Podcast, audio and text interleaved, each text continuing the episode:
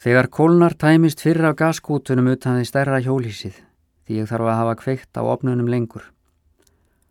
Þennan dag er dumbungur og slítur fá einn snjókorn úr lofti. Það er orðið tímabært að fara niður í þorpið með tómu gaskútana og fá aðra í staðin og auk þess þarf ég enn einu sinni að kaupa vistir, matvæli og annað. Ég geng upp á bílastæði með gaskútana í fanginu. Bílin er einn á stæðinu, heldur laslegur að sjá. Ef það færið að snjóa bráðum kemist ég ekki neitt á honum, en það þarf ég að fara að hugsa minn gang með dvölina hér, þó ég vil ég helst ekkert hugsa fram í tíman. Landið er drungalegt á leiðinni niður í þorpið. Öll tún fölgul, lingásar dökkleitir og fjöll hulinn þóku. Það er eins og sé vottur af bensinstýplu í bílnum, hann högtir og hóstar öðru hverju. Sjálfsagt er ekki gott fyrir hann að vera kyrstæður langtímum saman á þessu bílastæði. Ég spila Dizzy Gillespie að venju og keiri fremur hratt líkt og til að vera í takt við músíkina. Þegar ég er komin á áfangastað, þessi láreistu hús undir þungbúnum yfirþyrmandi himni, fer ég beint á bensinstöðina, tek eldsneiti á bílinn og skipti gaskútunum, fer svo í matförubúðina og byrki mig upp af allra handa skindimatt vafalust mjög óhaldum. Síðan ekki ég að kaffihúsinu, en það er þá búið að loka fyrir veturinn. En það fer engin á kaffihúsi í svona þorpi, allt er undir þeim komið sem fara hér um. Þannig er ástandið með byggðir út um allt land. Engin vil hafa neitt af þeim að segja á veturna. Þær eru lagðar í fristi og síðan teknar upp og þýttar fyrir túristana á sumrin. Þá er ekkert meira fyrir mig að gera í þorpinu. Ég tek stefnuna upp veginn sem liggur inn eftir landinu. Ég tek eftir að seitlurnar í skurðunum til begja hliða eru hemaðar. Veturinn er ekki langt undan, lokið á fristikistunni er að falla aftur. Dissi högt er ekkert í spilamennskunni en ég er ekki nógu ánaður með bílinn. Mótorinn gengur afar skrikkjótt.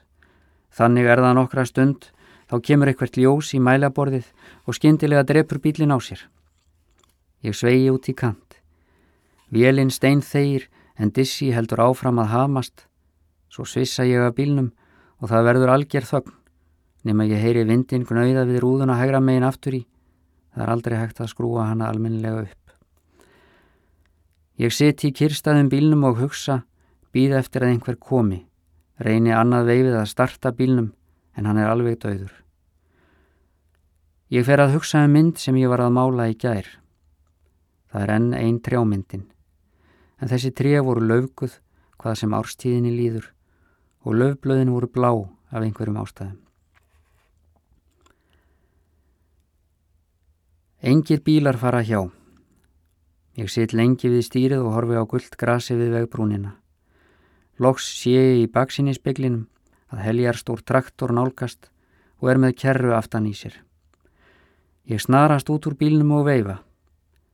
Þetta reynist vera kúabóndi frá bíli sem er ekki fjara í skóginum mínum. Hann er stórvaksinn þessi bóndi í bláum samfestingi og þykri vetrarúlpu utan yfir, maður um femtugt myndi ég halda. Hann heilsar og stýgur niður af þessari miklu dráttarvél sem er á gerðinni McCormick og lítur út fyrir að vera splunkun í.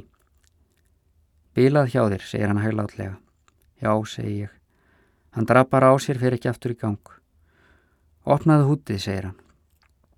Ég ger eins og hann segir. Hann lítur niður að mótornum, skoðar eitt og annað, gengur síðan að traktornum, rótar þar í verkværakassa við sætið, kemur með skiptilíkil og grúfir sig yfir bílvélina að nýju.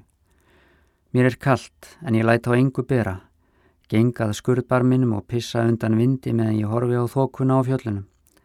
Svo gengi upp að hlið bóndans þar sem hann stumrar yfir vélinni. Þú ert í hjólísakverfinu, segir hann og skrúar eitthvað sundur, áreinslu löst. Já, en þá segi ég. Það er að verða kallt núna, segir hann. Ég var að sækja mér gaskúta, segi ég. Það á eftir að verða kaldara, segir hann. Veðrin af jöklunum eru slæm. Þá verði ég farin, held ég. Það er eins og ég segi þetta með rödd sem er mér ekki eiginleg. Startaðu núna, segir hann. Ég sest inn í bílinn og sný liklinum. Hann ríkur í gang og vélinn malar sem aldrei fyrr. Það fer um mig þakklæti sem ég hef ekki fundið til gagvart neinum lengi. Ég rík út úr bílnum og teki stóra ólíu kámu að lúku bóndans og hristi hana. Þakka er fyrir, segi ég. Hann verður hálf vandraðilegur á svipin. Þetta var ekkert, segir hann. Get ég gert eitthvað fyrir þig í staðin, spyr ég. Ekki vera á lengi þarna í skógin. Allt í lagi, segi ég, en skil ekki hvað hann meinar.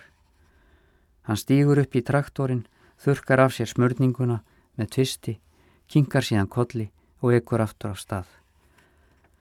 Ég horfi á eftir honum og sest svo inn í bílinn. Það er hreinlega undravert hvað vélinn malar fínt.